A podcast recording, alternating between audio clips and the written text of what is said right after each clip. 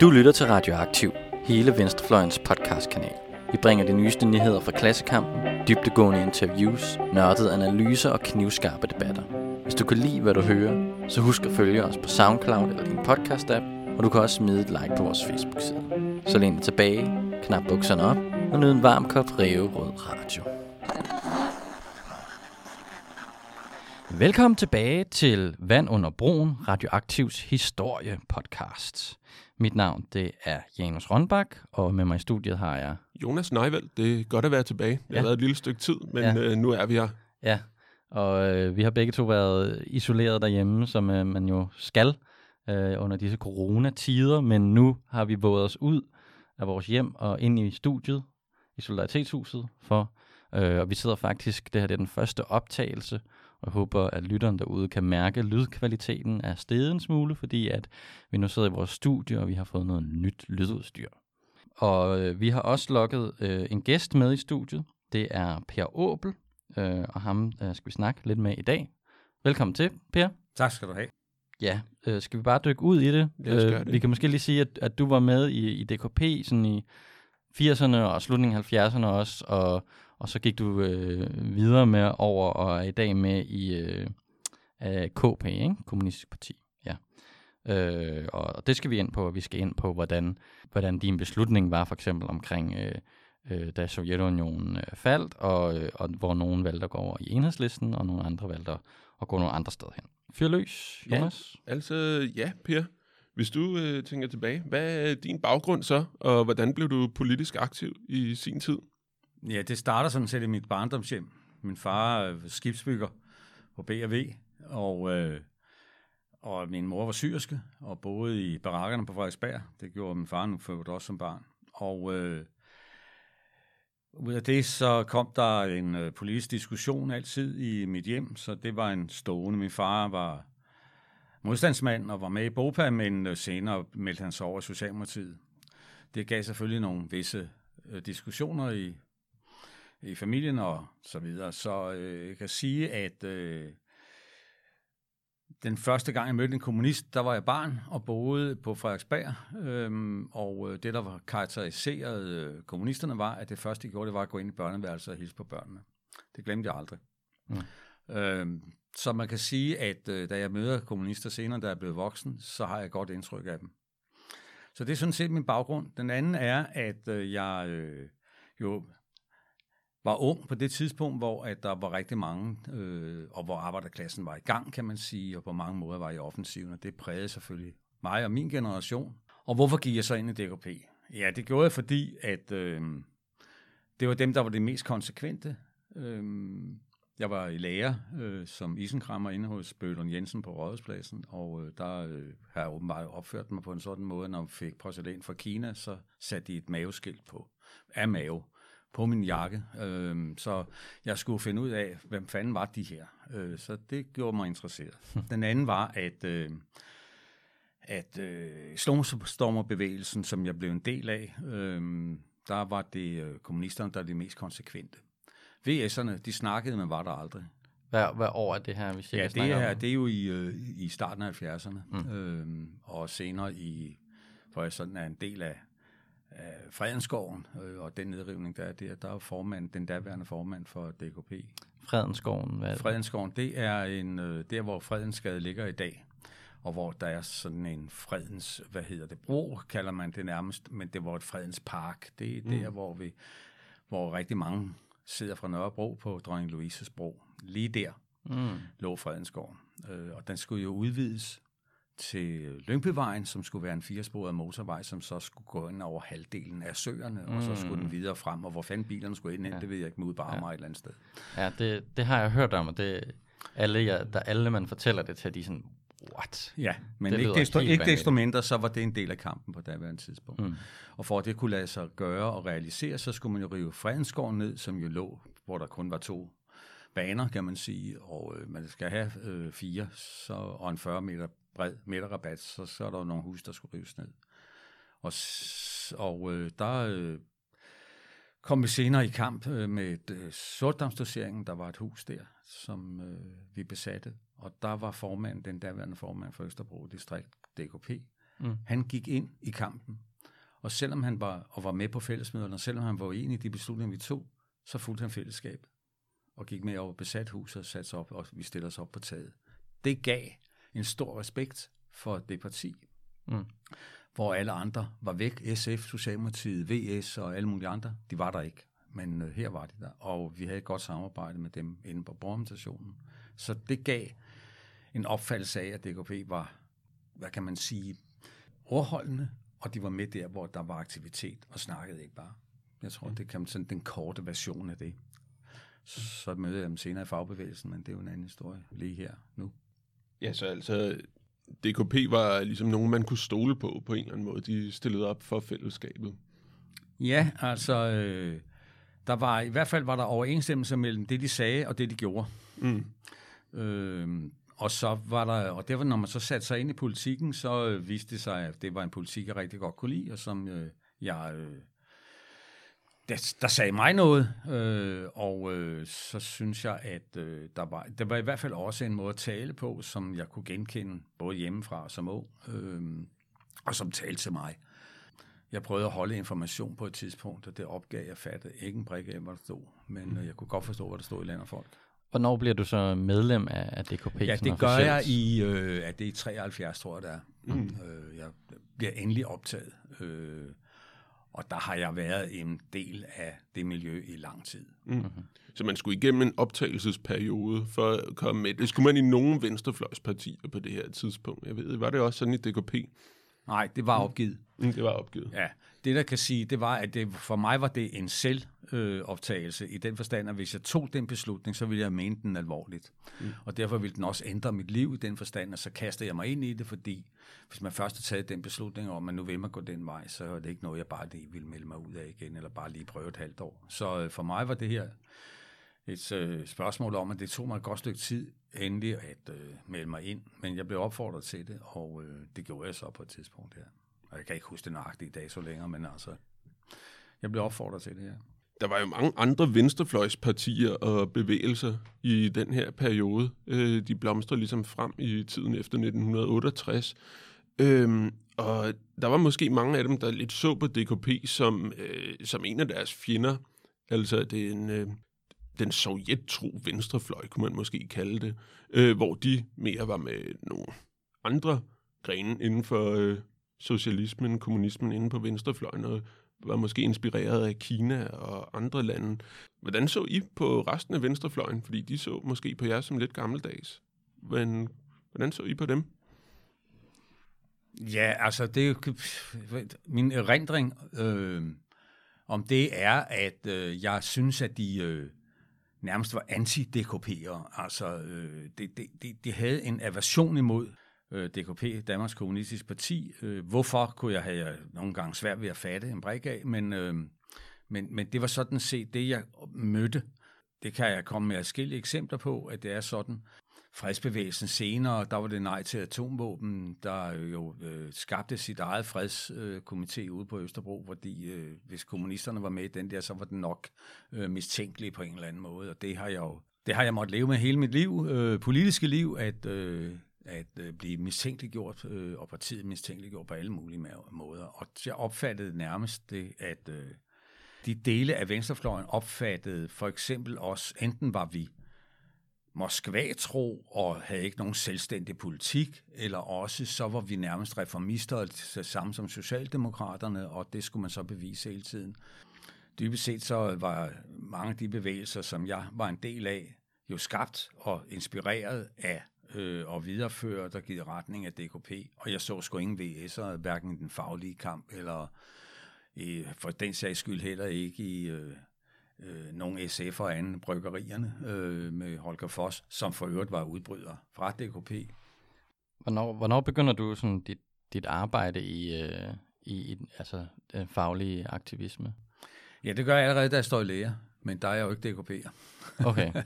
men øh, det er der, jeg øh, med inspireret fra min far, altså, som sagde, da jeg skulle stå i lære og, og skulle starte der, så sagde han, øh, ja, men altså, du, din kuffert står udenfor, hvis du ikke organiserer dig. øh, fordi jeg bor ikke sammen med uorganiseret, så var det ligesom givet, at øh, man skulle gøre et eller andet, ikke også? Jo. Øh, og øh, jeg blev talsmand for øh, lærlingene øh, på daværende tidspunkt. Øh, og øh, det gjorde, at jeg øh, fik en, på den måde en faglig indsigt. Øh, jeg var medlem af HK på det værende tidspunkt, men øh, arbejdede aldrig som, øh, jo et halvt år som isenkram, fandt ud af, at jeg fik det halve løn, øh, hvis jeg arbejdede som ufaglært. Hvordan arbejdede I så i DKP med det faglige arbejde? Ja. Hvordan, hvordan gik I til det? Fordi os, øh, altså, nutidens venstrefløj kunne godt øh, lære noget af. Altså, DKP stod langt stærkere i fagbevægelsen, end, end venstrefløjen gør det, i dag. Det, det, det er simpelthen en, en øh, måde, at en opfattelse af, at øh, klassens organisering og den bredeste og, og stærkeste organisering, det er fagbevægelsen. Mm. Og derfor, hvis man skal arbejde i, blandt, i, i blandt arbejdere, øh, så skal man arbejde der, hvor de er organiseret. Mm. Og det er den første, helt afgørende forskel mellem så meget andet, det, mellem så mange andre, det er, det er der, du er nødt til at gøre det. Og der bliver sådan en underforståethed blandt partikammeraterne i DKP, opdraget med, jamen, hvis du overhovedet har mulighed for det, så skal du stille op som tillidsmand. Du skal få dine arbejdskammeraters tillid, øh, og det gør du ved at være en af de bedste på dit, til dit arbejde, og samtidig være den, der talsmand øh, for, øh, for deres interesser. Og jeg tror, at den, den opfattelse øh, var helt bredt anerkendt i, øh, i øh, DKP. Og det stiller vi sådan set heller ikke spørgsmålstegn ved. Det viser jo også at være rigtigt. Altså, hvis man øh, kigger på de store strækker, så er det jo fra nogle af de store arbejdspladser, det er sket. Altså, man kan jo se det på B&V for eksempel, hvor at øh, kampen øh, om øh, tillidsposterne der jo altid stod mellem socialdemokrater og kommunister, og det stort set var kommunisterne, der vandt. Og også dem, der gav signalet, når de store strækker og de store kampe skulle øh, kæmpes. B&V, det var det værft, som var meget velorganiseret øh, af DKP. Det var Københavns største arbejdsplads i Ja, på det tidspunkt. rigtig mange år. Mm. Men øh, kunne I så samarbejde med andre dele af venstrefløjen? Jeg tænker måske til nogle konkrete, nogle strækker, nogle aktioner, nogle demonstrationer, et eller andet, hvor I ligesom kunne finde fælles fodslag? Ja, altså den måde, vi organiserede det på, jo var at øh, lave sådan nogle øh, formandsinitiativet for eksempel. Altså hvor at øh, man øh, fra fagforeningsformænd øh, gik sammen om at, sk- at skabe nogle krav og, og stå sammen om dem, kan man sige, og specielt op til vores overenskomster selvfølgelig.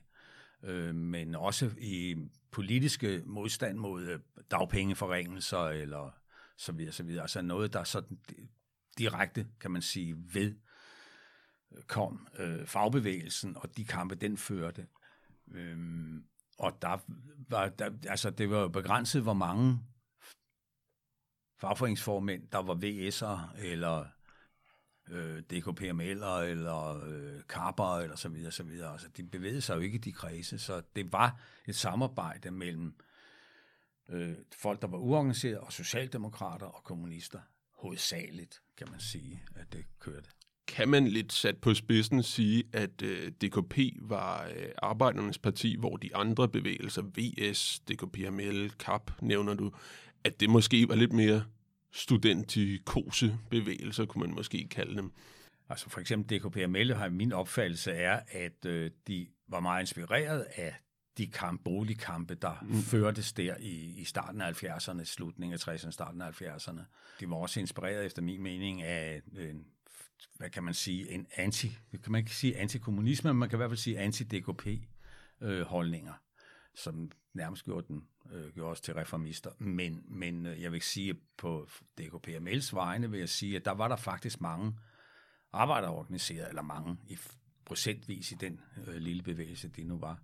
De andre var opstået fuldstændig som i 68 øh, oprøret på øh, de, blandt de intellektuelle studerende var der mange der bevægelser, øh, der var øh, opstået der, og var ikke en del af, kla- den, øh, af den, skal man sige, øh, den traditionelle arbejderklasse, øh, og var ikke derude på de arbejdspladser og de konkrete problemer man, øh, og opgaver, man stod med der.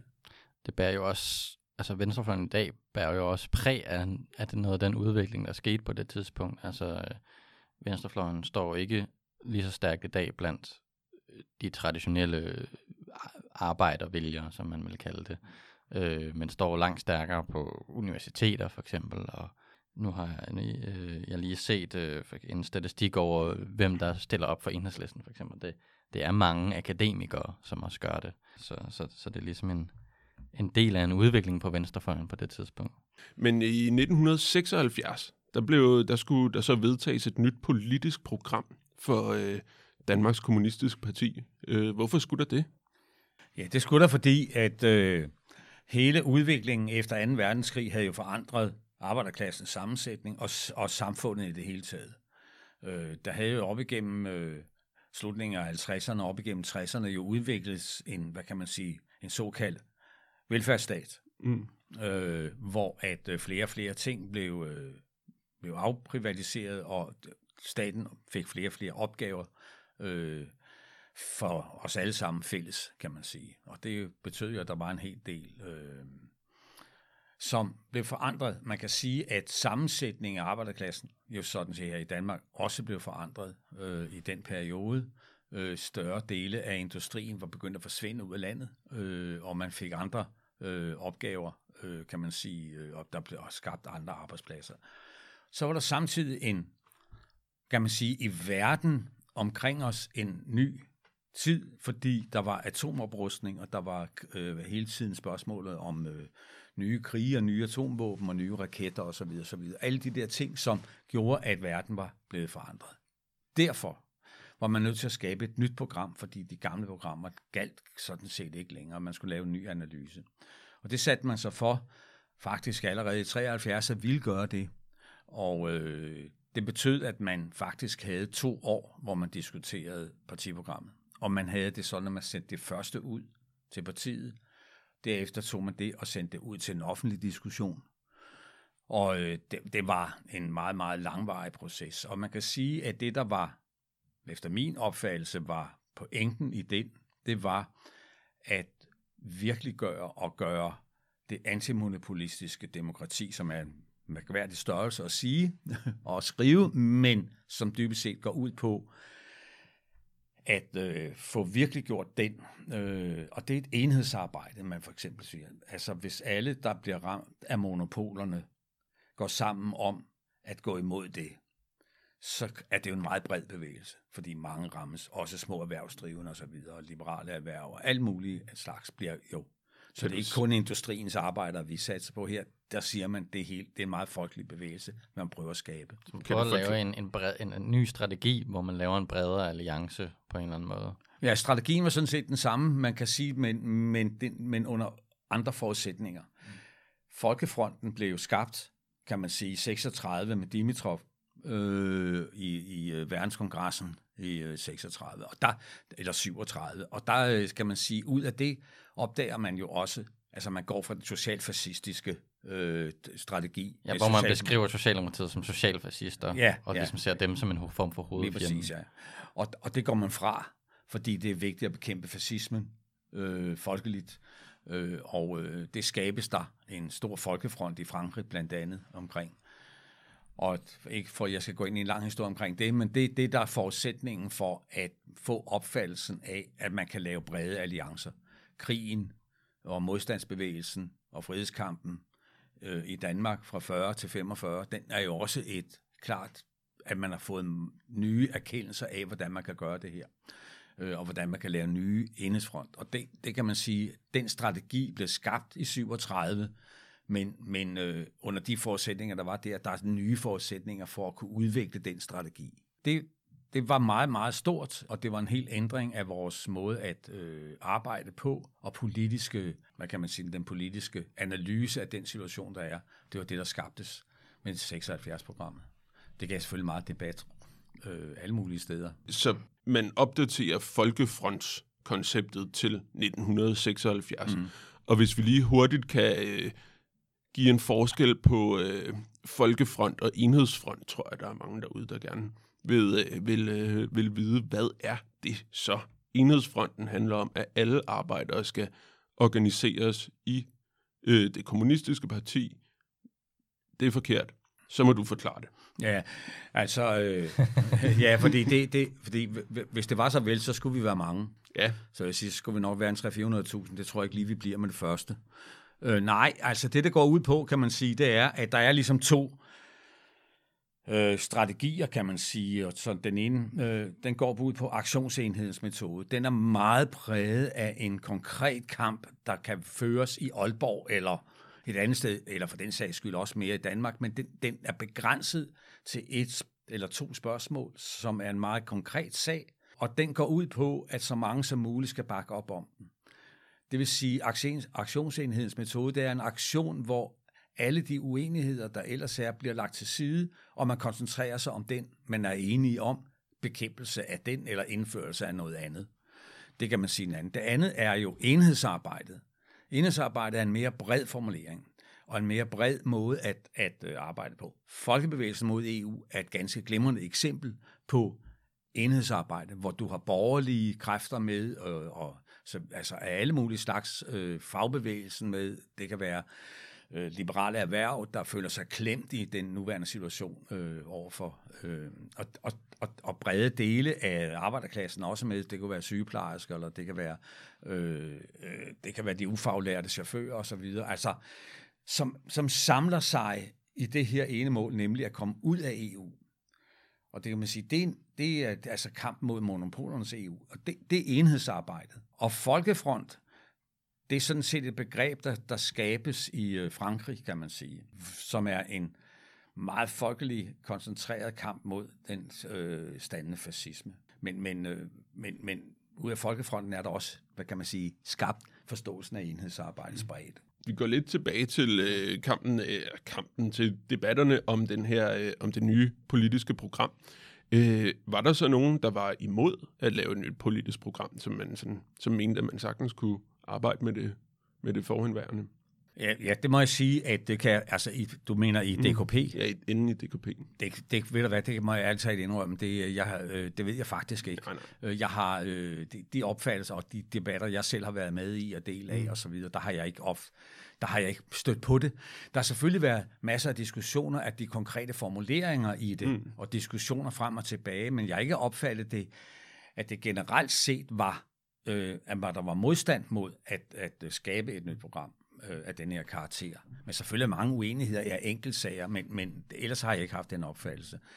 Det, det andet er den opfattelse, som det blev til uden for DKP, altså for nogle af dem, der i forvejen var kritiske over for DKP, anså det her for at være et socialdemokratisk, kan man sige, et, altså, eller i hvert fald et reformistisk tiltag øh, i klædt øh, revolutionære gevanter.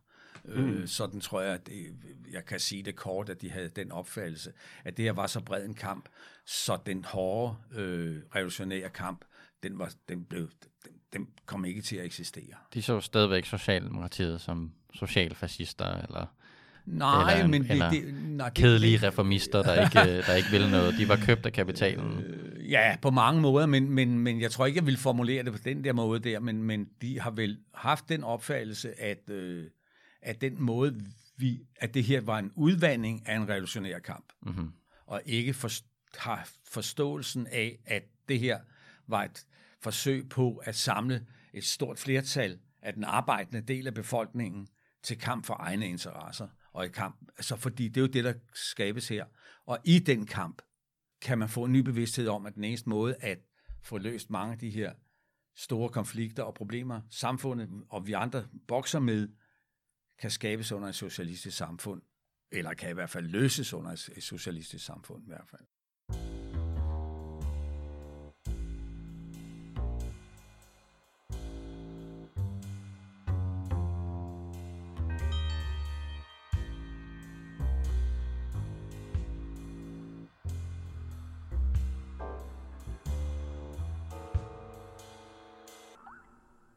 Hvis vi så øh, kigger sådan lidt mere internationalt, kan du beskrive sådan, hvordan I sådan, hvad, hvad forholdet var til andre kommunistpartier i, øh, det kan både være i Europa, men også i, også i, altså også i Østeuropa, i Sovjet, i DDR. Hvordan samarbejdede med dem, og, øh, og hvad var forholdet til Sovjet som sådan? Ja, det, det er jo, øh, jeg må jo sige, at du kan spørge meget om, hvad jeg lavede på Østerbro distrikt, og jeg kan rigtig meget af den historie. Jeg kan også rigtig meget om fagbevægelsens øh, for fred mm. historie, jeg har arbejdet i. Og øh, jeg kan rigtig mange ting om, hvad der foregår i Danmark, øh, også hvad jeg selv har været inde i. Men jeg vil sige, at min spidskompetence ligger ikke i forholdet, til, hvad, hvad DKP's forhold mm. til alle mulige. Altså jeg ved, at vores forhold selvfølgelig til helt, og det er historisk begrundet, mm. øh, vores forhold til Sovjetunionen som det første socialistiske land, hvor man slæbte kejserfamilien ud af, af røret, ikke også øh, på nogle gange bestialsk vis, men altså man har jo selv levet under bestialske forhold, så det bliver man jo ikke et bedre menneske af. Så, så der det kan man sige, der er meget af det der, det jo skabes jo af, skal man jo huske, at øh, det var sådan set øh, en del af anarkisterne, altså den faglige øh, anarkister og øh, de, de daværende DSU'er, den danske social, det, socialdemokratiske unge, der, der var med til at skabe det, øh, DKP's, øh, mm. som det ikke hed lige til at starte med, men som det senere kom til at hedde øh, ved den første kongres i 1919. Og der, der, der øh, jeg ved, at forholdet til Kina blev meget øh, kompliceret, fordi de gik en helt anden vej, og vi troede ikke på den vej. Øh, vi øh, havde nogle problemer omkring Albanien. Jeg, jeg havde et tæt forhold, det havde jeg sig selv, fordi... Øh, vi har haft nogle APK'ere i studiet, som ja. øh, har en anden holdning til det. Ja, men, men, det, det, det, men mere ikke, ikke andet end, at jeg ikke engang rigtig ved, hvad, hvorfor at vi ikke var, øh, altså hvad, hvor kan det være, at vi ikke øh, samarbejdede med Albanien, eller hvad var det, den politiske forskel? Jeg aner det sådan set ikke, vel? Så det, det der, der, der har gjort, at, at nogle ting ved jeg, jeg ved, at det der er, var vi meget tæt på, mm. øh, og jeg har selv været en del af det. Så, så det, det kan jeg i hvert fald sige, at det var et godt forhold, vi havde der. Vi havde også et godt samarbejde med dem. Rumænien havde vi godt samarbejde med, øh, Tjekkoslovakiet til dels og så videre, men, men det er ikke min spidskompetence, det må jeg sige. Så. Men til gengæld så var du distriktsformand på Østerbro, mm. øh, hvor du nævnte, at der var øh, ja, hvor mange forskellige, 10, forskellige, 10 afdelinger på Østerbro og 400 medlemmer i alt, og dem var du formand for. Hvordan var jeres øh, lokale arbejde? I har haft mange lokale afdelinger, men hvordan har arbejdet været organiseret, og var der nogle konkrete ting, I lavede ude på Østerbro, nogle aktioner og demonstrationer? Som... Altså, vi, øh, vi, vi gjorde det, at vi en, en stor del af det arbejde, der blandt andet blev lavet, var jo, der lå jo Østerbro Kaserne midt inde, kan man sige, i København. Der lå en kæmpemæssig kaserne. Det synes vi ikke var det bedste sted at ligge øh, en kaserne, hvis øh, der var nogen, der havde lyst til at øh, gå i krig med os, øh, så synes vi, det var uhensigtsmæssigt at have en stor kaserne lige der. I hvert fald os, der boede tæt på den, ville ja. nok ryge med i købet. Og så havde det selvfølgelig hele den, den der. Og vi havde mange rigtig gode aktioner omkring det øh, spørgsmål. Og senere blev det jo faktisk også til et, øh, et kulturparadis, øh, kan man sige, på mange måder, hvor at øh, der foregår både teater og musik og mm. alt muligt andet. Øh, og en, der var faktisk øh, en, en del af vores kammerater, som som arbejdede med det der, og som også var drivende kræfter i, at det blev til noget, og sad i ledelsen af, af mange af de øh, øh ting, der blev øh, skabt på daværende tidspunkt. Vi havde øh, aktioner ude på lange linje. Der var et atomskib, altså hvor vi vidste, at der var et stort amerikansk slagskib, der lagde til ved lange linje. Der var vi ude at demonstrere, fordi de ville jo ikke fortælle, om de havde atomvåben ombord eller ej. Så på den måde har vi lavet, altså, synes jeg, mange forskellige ting. Vores øh, kampagne omkring mod Lyngbyvejen, der var, havde vi lange, øh, havde vi jo og så videre, så videre. Øh, fordi den jo støtter op til på mange måder. Altså, fordi Lyngbyvejen jo går igennem Østerbro. Mm. Øh, så vi synes ikke, det var en rigtig god idé, det der. Vi havde, vi havde spørgsmålet om at, øh, at få ført den store, tunge trafik uden om Østerbro og ned omkring havnen i stedet for. Mm. Det, der faktisk er blevet skabt i dag. Ja, med havnetunnelen. Eller ja, hvad? ikke havnetunnelen, Nej, men det, at du har fået bygget en vej ude mm. ved Østerbro, der faktisk fører den ja. direkte ned til havnen, ikke? Mm. Øh, og mange af de store, øh, altså man kan sige, at det er jo skrubskørt at have et kæmpemæssigt havneområde, som stadigvæk er aktivt, og så skal den igennem de smalle gader øh, på Østerbro for at komme ud til en motorvej. Altså vi, på den måde har vi øh, været med i rigtig mange ting. Der var Østerbro Fredskomité, som øh, vi øh, lavede. Der er Folkebevægelsen mod EU's øh, fredskomité, og alle de der lokalråd, hvor vi er involveret i, og lavede rigtig mange ting af lokale spørgsmål, af jeg har sagt, hvis kantstenen var for høj, eller busstopstedet, det skulle flyttes, mm. og så videre, så videre. Altså mange af de der ting, som også er lokale ting, arbejdede vi i. Og en af de ting, vi var med til, var øh, Maj Vekselmand øh, lavede en film om A.P. Møller. Den hed, hvis der, hvad var det, den hed, den hed noget med Kronborg. Ja, det kan jeg ikke engang huske, jeg tror, men det omhandlede, at A.P. Møller faktisk ikke var så dansk sindet, som man gav udtryk for, da han jo fik overtaget Nordsøolien, så hed det jo, fordi han var dansk sindet og så videre. Men det viste sig, at han havde flirtet med øh, den tyske fascisme. Øh, og det blev den sønnen jo rasende over. Den blev så vist i dansk, eller i svensk tv, men øh, den så skulle vises i dansk tv, så nedlagde han jo fodforbud mod, øh, at den blev vist. Og så havde vi et godt samarbejde med Park Bio på daværende tidspunkt, så vi spurgte, om vi ikke må have lov til at vise den film i Park Bio. og det betød så, at Park Bio jo sagde, jamen det vil vi ikke tage ansvar for, om vi godt få lov til at låne vores øh, lokaler og vores biograf. Det var en stor succes. Den blev, øh, det er klart, at når man nedlægger fodforbud, så bliver mange interesseret i at se den. Ja. Øh, sådan er det jo. Ja, det er, frem, det er altså, fremragende reklame. Ja, det er noget af det bedste, han har gjort. Mm. Det var sådan set det der. Ja. Der er heller ikke en pæn historie, at Mærsk har, både i forhold til, til det, du nævner der, men også i forhold til Vietnamkrigen, hvor de hjalp USA med at sejle deres militære isenkram, øh, og det samme galt også i, øh, i Irak-krigen, hvilket de jo også blev belønnet med en havn dernede. ja. øh, så så der, der er nogle øh, skeletter i skabet der. Ja, den hedder Ingen Hamlet på Kronborg. Mm. Ingen Hamlet på Kronborg. Mm. Den må mm. vi finde. Ja. Men der var også strækkestøttekomiteer, som der også var på Østerbro, som vi også var involveret i. Og det var meget sådan noget med, øh, hvis der var en konkret virksomhed, der var i gang, øh, så oprettede man en strækkestøttekomité.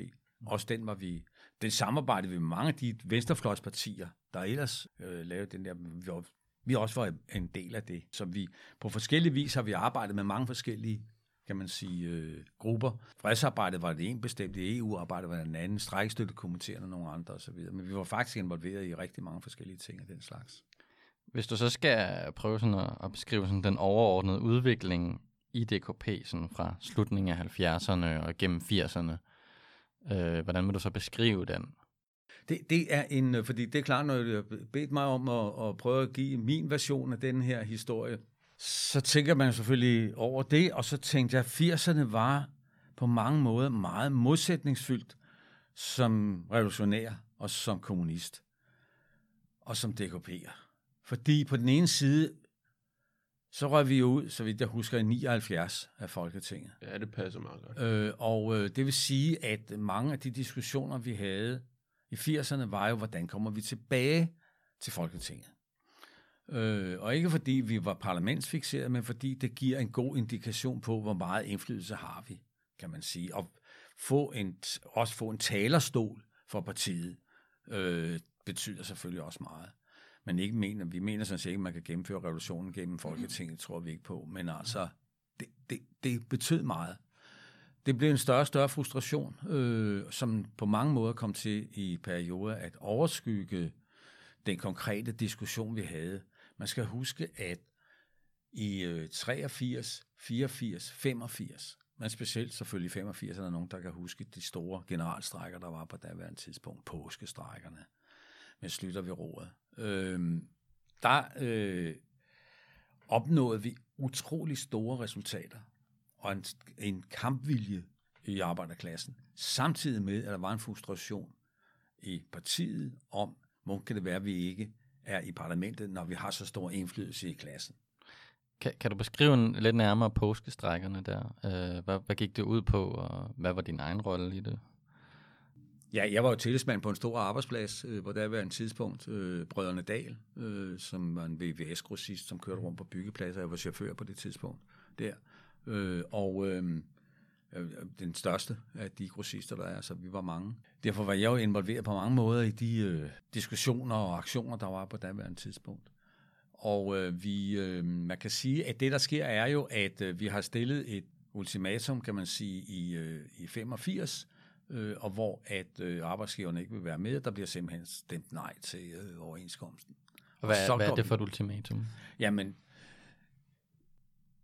det kan man sige, det er jo, at vi øh, på, på det tidspunkt har vi jo nogle øh, ret skrabe lønkrav. Øh, vi har også spørgsmålet om øh, nedsættelse af arbejdstiden. 35 timers kravet er jo en del af, af kravet, hvor vi øh, havde den der fantastiske, dejlige parole, der hed 35 timer øh, med fuld lønkompensation. Det var skidesvært at skrive på en parole, så det blev med fuld løndækning på et tidspunkt. Men, øh, men altså, nogle af de der ting, som de simpelthen afviste fuldstændig. Og øh, det øh, stemte nej. Der, derfor blev simpelthen øh, det forlis, der var, øh, det, det blev simpelthen stemt ned, og så sker der det, at vi, øh, at man så går man i strække. Og der er jo på det tidspunkt en strækkesbevægelse, som bliver meget, meget stor, kan man sige, øh, og som, en, som både tager hospitaler og landsbyskoler og selvfølgelig de store arbejdspladser osv. osv. Det, det er en strække, som samtidig udvikler sig mod den borgerlige regering. Fordi du har en mulighed for at, øh, at sige, jamen hvis øh, den borgerlige regering ikke kan regere, fordi alle ikke gider arbejde, altså gider, men ikke vil, øh, så er det svært at få et samfund til at køre. Øh, det ved man under coronakrisen i dag, hvad det betyder. Men altså, så, så er der i hvert fald en, øh, en opfattelse her, som, som involverer rigtig mange. Øh, og da man kommer frem til påske, bliver der en, kan man sige, en vis form for afmatning i strækkebevægelsen. Og øh, nogen begynder at tale om at gå i arbejde igen. Og, men, men der sker jo det, at pludselig, så, skal, så er der jo påskeferie. Øh, og hvad, hvordan strækker man under en ferie? Hmm, ikke? Så der er også sådan, der går lidt ged i den, kan man sige, på det tidspunkt. Men efterfølgende ved man, at en lille trojka, altså tre personer i slutterregeringen, jo sætter sig sammen og finder ud af, om man skal gå af eller ej. Jeg tror, man tager den beslutning. Det er Britta Scholt Holberg, der senere øh, fortæller den historie. Havde man strækket en dag eller to eller tre mere, så havde man gået af som regering. Det vidste vi desværre ikke på det daværende tidspunkt, da vi, da vi ikke var med til mødet. Og det her, det er jo sådan set øh, sidste gang, at øh, vi har fået en nedsættelse i arbejdstiden. Det var på baggrund af den her strække. Ikke? Man vandt noget på det. Ja, det gør man senere. Så, så, så man kan sige, at det, i øh, 87, dengang var der jo to år i overenskomster. Mm. Så blev det på et tidspunkt fire overenskomster, og så fik man ned til tre år i overenskomster, og man forskød den offentlige og den private mm-hmm. øh, overenskomstforhandling. Ja. Dengang var den samlet, mm. og der var to overenskomster. To år i overenskomster. Mm-hmm. Ja, hvad var spørgsmålet? Jamen, det, jamen, det er bare øh, interessant i forhold til sådan, uh, den historiske udvikling, det her med, at, at, at historisk... Nå ja, så har... 87, der får vi nedsættelsen, ja. så vidt jeg husker. Ja, men nu ja. må jeg sige, jeg har ikke taget alle mine notater med her, ja, men ja. Øh, det, jeg kan ikke huske det nøjagtigt, men, men vi får jo det der, der hedder 37 timer, det som vi i dag ja, øh, arbejder og kommer ikke helt ned på. Ja.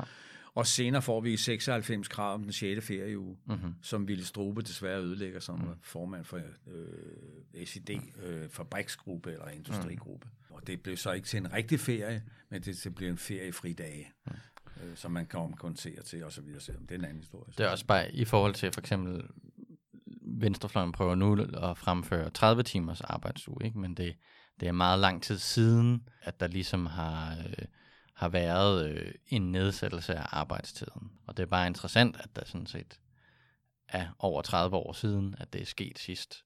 Selvom det egentlig generelt altid har været krav for gennem øh, arbejdervægelsens historie. Men, men det kan skyldes, at DKP ikke er stærligt stærkt længere. Ja. Vil jeg sige. men hvis man nu ser på, på 80'erne, du nævnte, at det var opslidende på, for partiet på en måde, at I ikke var i Folketinget, samtidig med, at I åbenlyst havde en del indflydelse derude, når, når der skete noget. Men var det på en eller anden måde øhm, ødelæggende for partiet, at der var det her skæld? Ja, der opstår i hvert fald en modsætning mellem, synes jeg, altså øh, øh, i, i partiet, som jo, jeg skal ikke karakterisere den, den øh, men, men jeg sådan på den led personerne, men jeg synes, der er en, en øh, forskel i bagklodskabens ulidelige klare lys, som hvis herre sagde, at store dele af tillidsfolkene på arbejdspladserne, der var medlemmer af DKP, kom ikke ret meget af deres afdeling. De var derude, hvor at øh, kampen foregik, kan man sige, og dagligdagen var og så videre, og øh, de interne diskussioner, der var i partiet, deltog det ikke øh, i så høj grad i. Det er selvfølgelig en generalisering, man kan sagtens finde eksempler på det modsatte selvfølgelig. Men der bliver opstår en, en, en frustration over, at vi ikke er i Folketinget og det giver en modsætning, og jeg kan sige, at Dine Sportmand har en artikel i øh, Tiden Verden Rundt i nummer 989. Den kan jeg huske i dag, og den kommer nok aldrig til at glemme. Og den svares der på i øh, nummer 1, 85 i Tiden Verden Rundt af Ivan Hansen.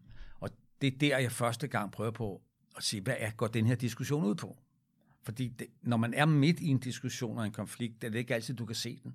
Mm. Altså, øh, det ved I formentlig som historiker, at øh, når man er midt i historien, så er det meget svært at se den. Ja. Man skal helst nogle år fremad for at kigge tilbage og se, hvad fanden var det egentlig, der skete. Jeg fatter ikke så meget, se hvad der skoven for bare træer. Ja, men det er rigtigt. Det er rigtigt ja. og, og der begynder jeg langsomt at forstå, hvad det her går ud på.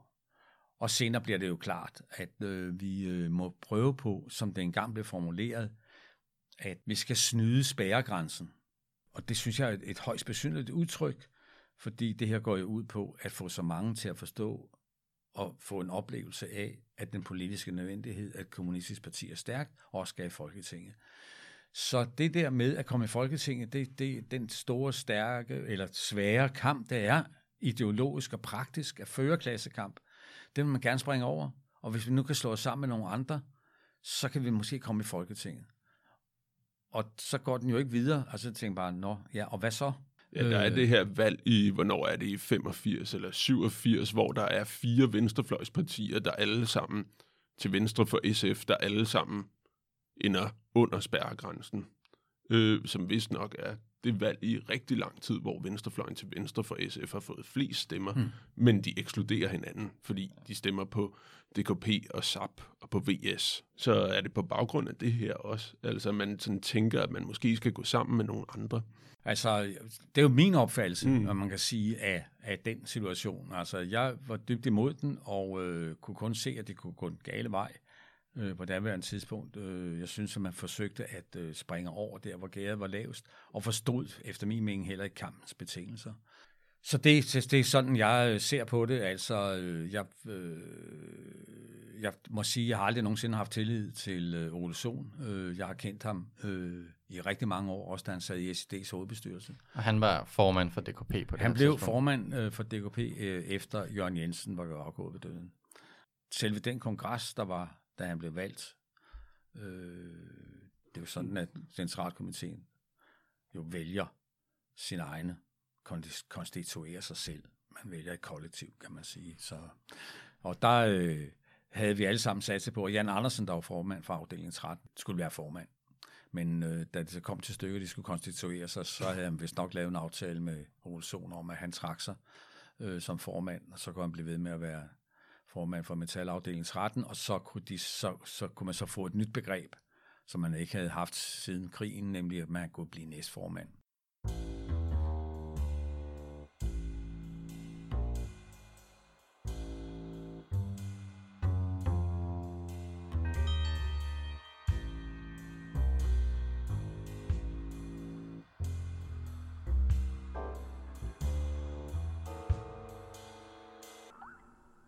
Bare lige for at få, få styr på tidslinjen, ikke? Mm. Så, så altså, der, er, der er de her valg, hvor øh, flere af, af partierne øh, på venstrefløjen ikke når ind i Folketinget, mm. og så kan, bliver Ole Sohn øh, formand for DKP. Men på det her tidspunkt findes Sovjetunionen endnu. Den er ikke ved at, at kollapse. Det er ikke noget, man regner med kommer til at ske. Øh, jeg har hørt beskrevet øh, fra folk, der var på, i DKP på det her tidspunkt, at det var en kæmpe overraskelse, da, da det pludselig skete. Altså fire måneder før det skete, så ville det have været vanvittigt at påstå, at noget sådan ville ske. Øh, men, men er bevægelsen mod at lave enhedslisten, finder den sted før, øh, at man overhovedet har en fornemmelse af, at Sovjetunionen falder sammen?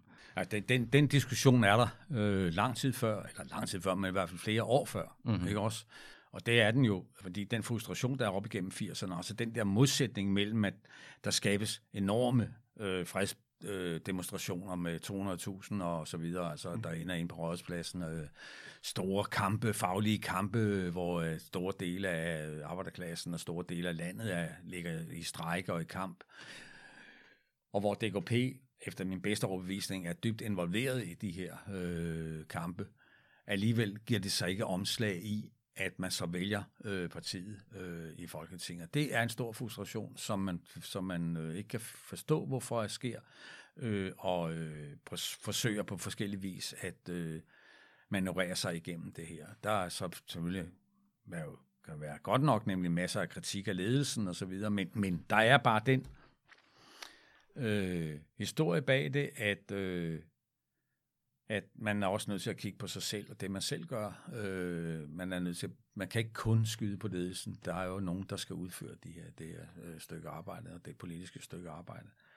øh, for at det kan lade sig gøre, og før vi kan nå opnå resultaterne. Så øh, ja.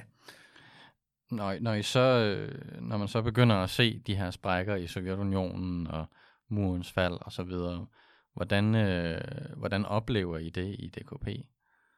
Og hvordan påvirker det hele den her proces i forhold til dannelsen af enhedslisten for eksempel? Eller det, at der er nogen, der vælger at gå over i for eksempel øh, kommunistisk form? Ja, altså, øh, det er klart, at, øh, den, øh, at det pusser jo på den udvikling, og for dem, der gerne vil skabe noget andet, og et andet parti, de sagde jo godt nok, at det ikke var partiforberedende, det skulle bare være en liste. Det, det er det ikke længere. Det er et parti, defineret som parti, nemlig at der er ingen kollektive medlemmer, der bestemmer noget som helst. Det er individuelle medlemmer. Og så er man et parti. Øh, men den opstod jo ved, at øh, man var en række partier, der så sluttede sig sammen for lige om at lave et program for at komme ind. Altså, og det er klart, at det, når man er frustreret over, at man ikke er kommet i Folketinget, om, om man ikke synes, at partiet fungerer godt parlamentarisk, eller forekommer derhen, og så at, hvad kan man sige, socialismen falder sammen om ørerne på en, hvad, hvad kan man så tro på noget længere? Kan man tro på, at det er den rigtige vej? Kan man tro på, at DKP kan føre den, den rigtige vej, som jo altid har stået, øh, hvad kan man sige, på linje med øh, Sovjet, på godt og ondt kan man sige, men, men i hvert fald har været det, har været det, det parti, man har stået last og bræst med på mange måder. Og, og det er klart, at øh, når det så bryder sammen, mm, kan, så er der selvfølgelig mange, der stiller sig spørgsmålet, af, jamen, er det så den rigtige vej, vi går? Er det det rigtige parti? Øh, og så øh, pusher det selvfølgelig på den udvikling, at man prøver at skabe noget andet. Og så pludselig, så kan man, så øh, er man i den situation, at så kan man VS'erne godt være sammen med DKP'erne, og DKP'erne kan godt være sammen med VS og SAP og så videre, så videre, hvem der nu var der, DKP og MEL, som ellers havde skældt os ud for at være alt muligt mellem himmel og jord. Men, men, men, men det, det træk kommer selvfølgelig, og det er klart, at det bliver endnu sværere for os, som vil have bevaret DKP øh, og bevare en revolutionær linje, ud fra din, vores opfattelse af en revolutionær linje, at øh, det bliver sværere for os at øh, gå imod den øh, strøm, og vi taber jo øh, to kongresser i træk, kan man sige. Mm. Ikke? Altså I taber to kongresser i DKP, ja. hvor I, ja. Ja. Men, mens der er den her proces mod ja. at lave enhedslisten. Og det er Ole Sohn, der er som formand støtter op om processen hen mod at bakke. Ja, men altså, han er jo headmaster i det mm. der. Det skal man ikke så fejl af. Altså, han er virkelig den, der drivende kraft i det, men han har jo nogen, Bjørn Grøn og Torben Størner fra Aarhus og andre øh, kræfter øh, støtter selvfølgelig det her foretagende, og så nogle ledende kræfter fra, øh, fra Centralkomiteen, som øh, støtter øh, Ole Sohn, og de er gået sammen, øh, og de, de er jo sådan set bedøvende ligeglade ved, at vi beslutter på kongressen, for de har sat sig fast på, hvad vej de vil. Så vi til sidst, så kan de, så selvom vi kan, godt kan få nogle gode resolutioner igennem, der går imod deres politik, så blæser det jo på det at køre videre for at opnå deres resultater. Sådan er det. Sådan er det, når det er partikamp. Men hvad var det specifikt, du ligesom hvor, hvorfor er det, du tænkte, vi skal ikke ind i enhedslisten? Det er fordi, at jeg kunne se på daværende tidspunkt, at hvis jeg gik sammen med dem, der havde hadet os i alle de mange år, VS og SAP og alt muligt, altså og have været antikommunister, eller i hvert fald anti-DKP'ere hele vejen igennem, de havde under ingen omstændigheder en jordisk chance for at nogensinde at komme i Folketinget. Mm. De tre partier. Og den eneste mulighed, de havde for at at se det som muligt, det var, at et velorganiseret, stærkt parti, det skulle de være sammen med, for at det kunne lade sig gøre. Og derfor valgte de så at sige, jamen, øh, vi vil gerne være sammen med den del af DKP, der er med det samme som os, nemlig at lave en såkaldt liste, men som jo så var partiforberedende. Det vil sige, at man skabte et nyt parti på øh, ruinerne af DKP. Det er selvfølgelig set, nu drager jeg jo en konklusion, ja, ja. der er sådan lidt bagud set, ikke også? Men, mm. men øh, jeg var imod det, fordi at, øh, jeg kunne se, at det her, det ville ende i, at der skabtes et parti, som jeg efter min bedste overbevisning aldrig nogensinde vil blive et revolutionært parti. Progressivt, og de har nogle gode holdninger og meninger osv. osv. Men når man kigger på, hvem der repræsenterer det parti, så kommer de alle sammen på Københavns Universitet eller andre steder fra. Så det er også en kritik af, hvordan du egentlig ser og mener, du forårsag enhedslistens udvikling mod et parti, som du ikke betragter som revolutionært? Nej, det er det på ingen måde. Mm. Det tror jeg ikke engang, de gør selv. Det, det, jeg, jeg, øh, det, det står godt nok i deres partiprogram, men de gør, hvad, for, hvad de kan for at ændre det. Og det sidste, de gjorde, var jo at øh, splitte enhedsfronten. Splitte enhedsarbejdet i folkebevægelsen. Og mm. det gjorde man ved at stille op selv. Og hvad skete der? Frontbevægelsen folkebevægelsen røg ud, og nu sidder der en enkelt mand dernede, nok skal nok sørge for at lave det hele om. Så øh, de, de arbejder direkte øh, imod det, som øh, DKP har stået for altid, nemlig at øh, samle så brede folkelig opbakning til mod EU for eksempel, eller andre. Øh, og nu mener de, at de parlamentarisk er jo også et parlamentarisk parti, som, hvor det er vigtigt, at øh, der sidder en enkelt nede i EU sammen med de 750 andre, øh, at øh, få lavet tingene om dernede fra. Og folkebevægelsen vil de sådan set blæse et stykke. Så det, det, det er meget typisk, at det her det er et parlamentarisk parti, og ikke på den måde et, der er ude i befolkningen vil øh, forandre samfundet, men, men øh, vil lave de gode intentioner og de gode viljers politik, enten i Folketinget eller i.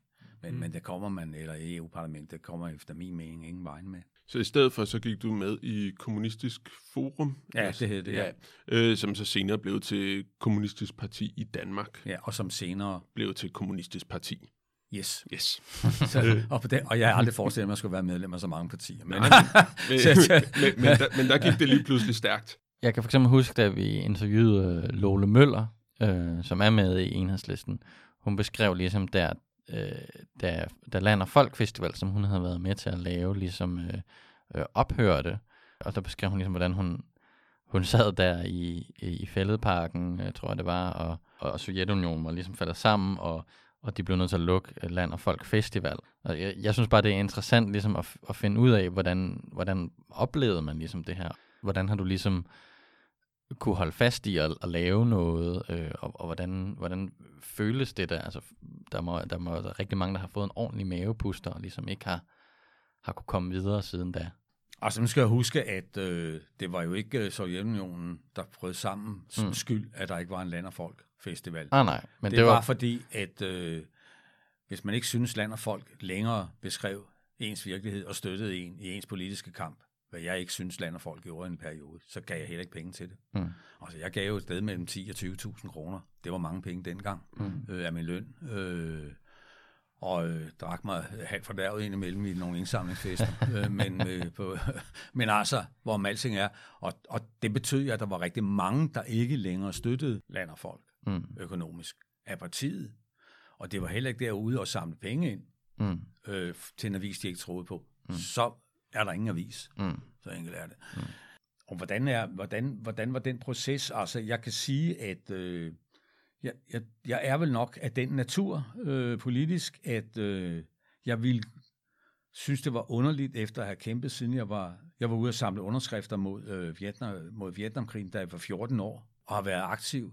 Mere eller mindre selvfølgelig i de år, men, men øh, altid aktiv og altid haft en tillidspost af en eller anden slags, og altid stået et eller andet sted, hvor at, øh, jeg synes, at kampen var nødvendig, og at øh, det værste, man kunne gøre, det var sådan set at blive passiv. Og det har været min drivkraft. Øh, også social uretfærdighed. Se, at folk bliver be- dårligt behandlet, og du selv har kræfter til at gøre øh, modstand, så, så er det en, jeg tror, en natur, noget jeg opdrager med, noget jeg er, ja, øh, fem år på børnehjem gør også noget øh, ved en. Øh, enten går man ned, eller også så kæmper man imod, øh, mm. tror jeg. Så der er sådan flere faktorer, der gør, at jeg har nået den personlighed, der gør, at jeg bliver ved. Midt i alt det der øh, skrækkelige, der skete i 90-91, så kan man jo sige, det vil jeg blæse på, jeg vil prøve at arbejde mig ud af det. men øh, det, det er ikke altid lige godt, men, øh, men øh, hvor med alting er, så forsøgte jeg at lave noget andet, øh, og skabe noget andet, og skabe nogle forudsætninger for, at kampen kunne føres videre. Hvordan, hvordan tænkte du så om, om, om dem, som, som måske holdt op, eller bare forsvandt fra kampen? Ja, det, det var overraskende for mig. Ja. Øh, jeg troede, altså man kan sige, at jeg troede faktisk, at jeg havde et stærkere parti, end jeg havde.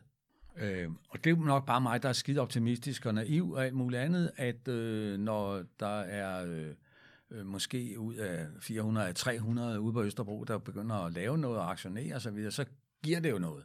Øh, og man kan godt være 10.000 medlemmer, hvis ingen gider lave noget, så er det jo ligegyldigt. Så der er sådan den der opfattelse af, at jeg synes, jeg havde også et ideologisk stærkt parti.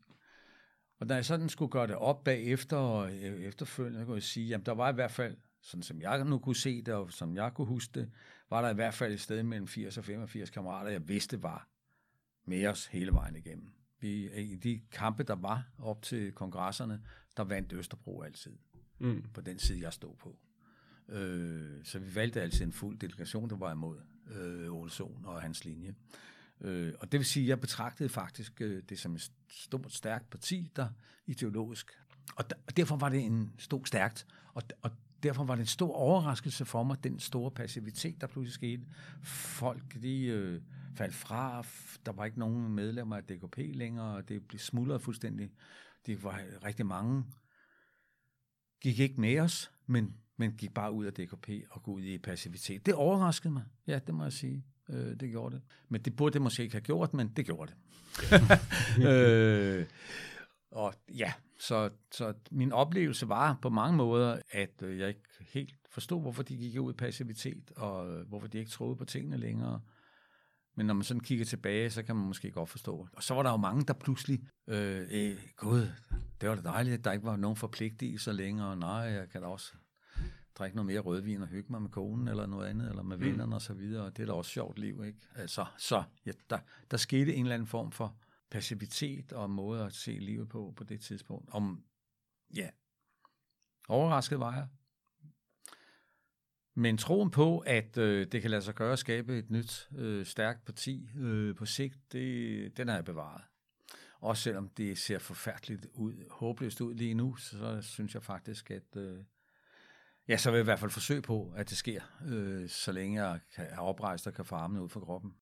Nu har vi snakket om øh, DKP og venstrefløjen i 70'erne og 80'erne, og vi har også lidt berørt, hvad venstrefløjen er i dag. Hvis du nu skal se på det, hvad, øh, hvad, hvad er forskellen så, og hvad er værre, og hvad er bedre på venstrefløjen i dag i forhold til ja, dengang?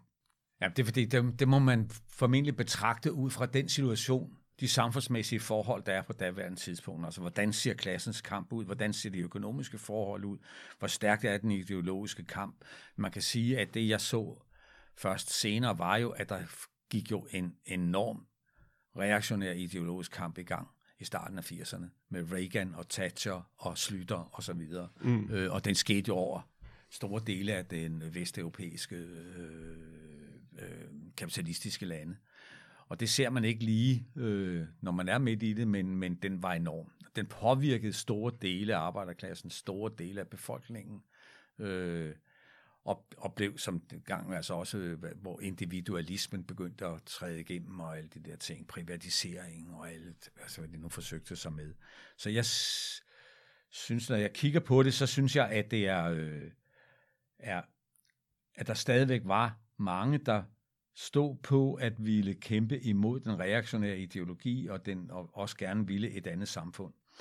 Øh, og jeg synes, at øh, forskellen er i dag, at, øh, at jeg mange savner et øh, stærkt kommunistisk parti, og at der stort set ikke er nogen af de der øh, andre grupper, der øh, partier, der er øh, aktive, de er stort set alle sammen enten gået ind i øh, Øh, enhedslisten, og det er så blevet det ene parti, og der er det jo ikke VS og SAP og KAP og så videre, hvad der nu ellers har været af, af forskellige partier. De, de er jo samlet et sted, nemlig enhedslisten.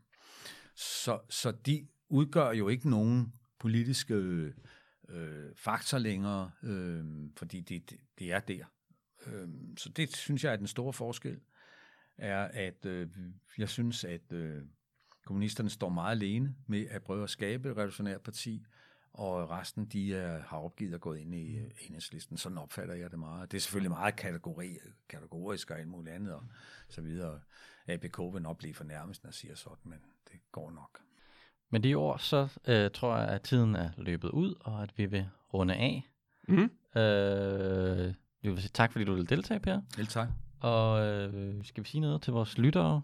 Øhm, Nej, altså, vi vender jo tilbage. vi vender tilbage, ja. Og, øh, og øh, der, der er planer om at, at snakke med en, som så øh, valgte at gå med i over i enhedslisten. Det er det. Så får vi det perspektiv med, og vi vil også øh, på et tidspunkt have en debat med nogle af de forskellige partier, øh, som gik over i enhedslisten. Øhm, vi arbejder stadigvæk på en anarkist. Jeg har faktisk fundet nogle navne nu, som jeg bare skal kontakte, Okay. men, øh, Jamen, men på grund af coronakrisen, så, så er det gået lidt langsomt. det er men, svært at finde anarkisterne. og så, så kan lytteren jo øh, se frem til at blive seer, øh, fordi på et øh, tidspunkt, om ikke altså alt for lang tid, så, så vil vi også overgå til at være på YouTube med video. Øhm, ja. Men øh, tak for nu. Hej. Tak for nu. Thank you.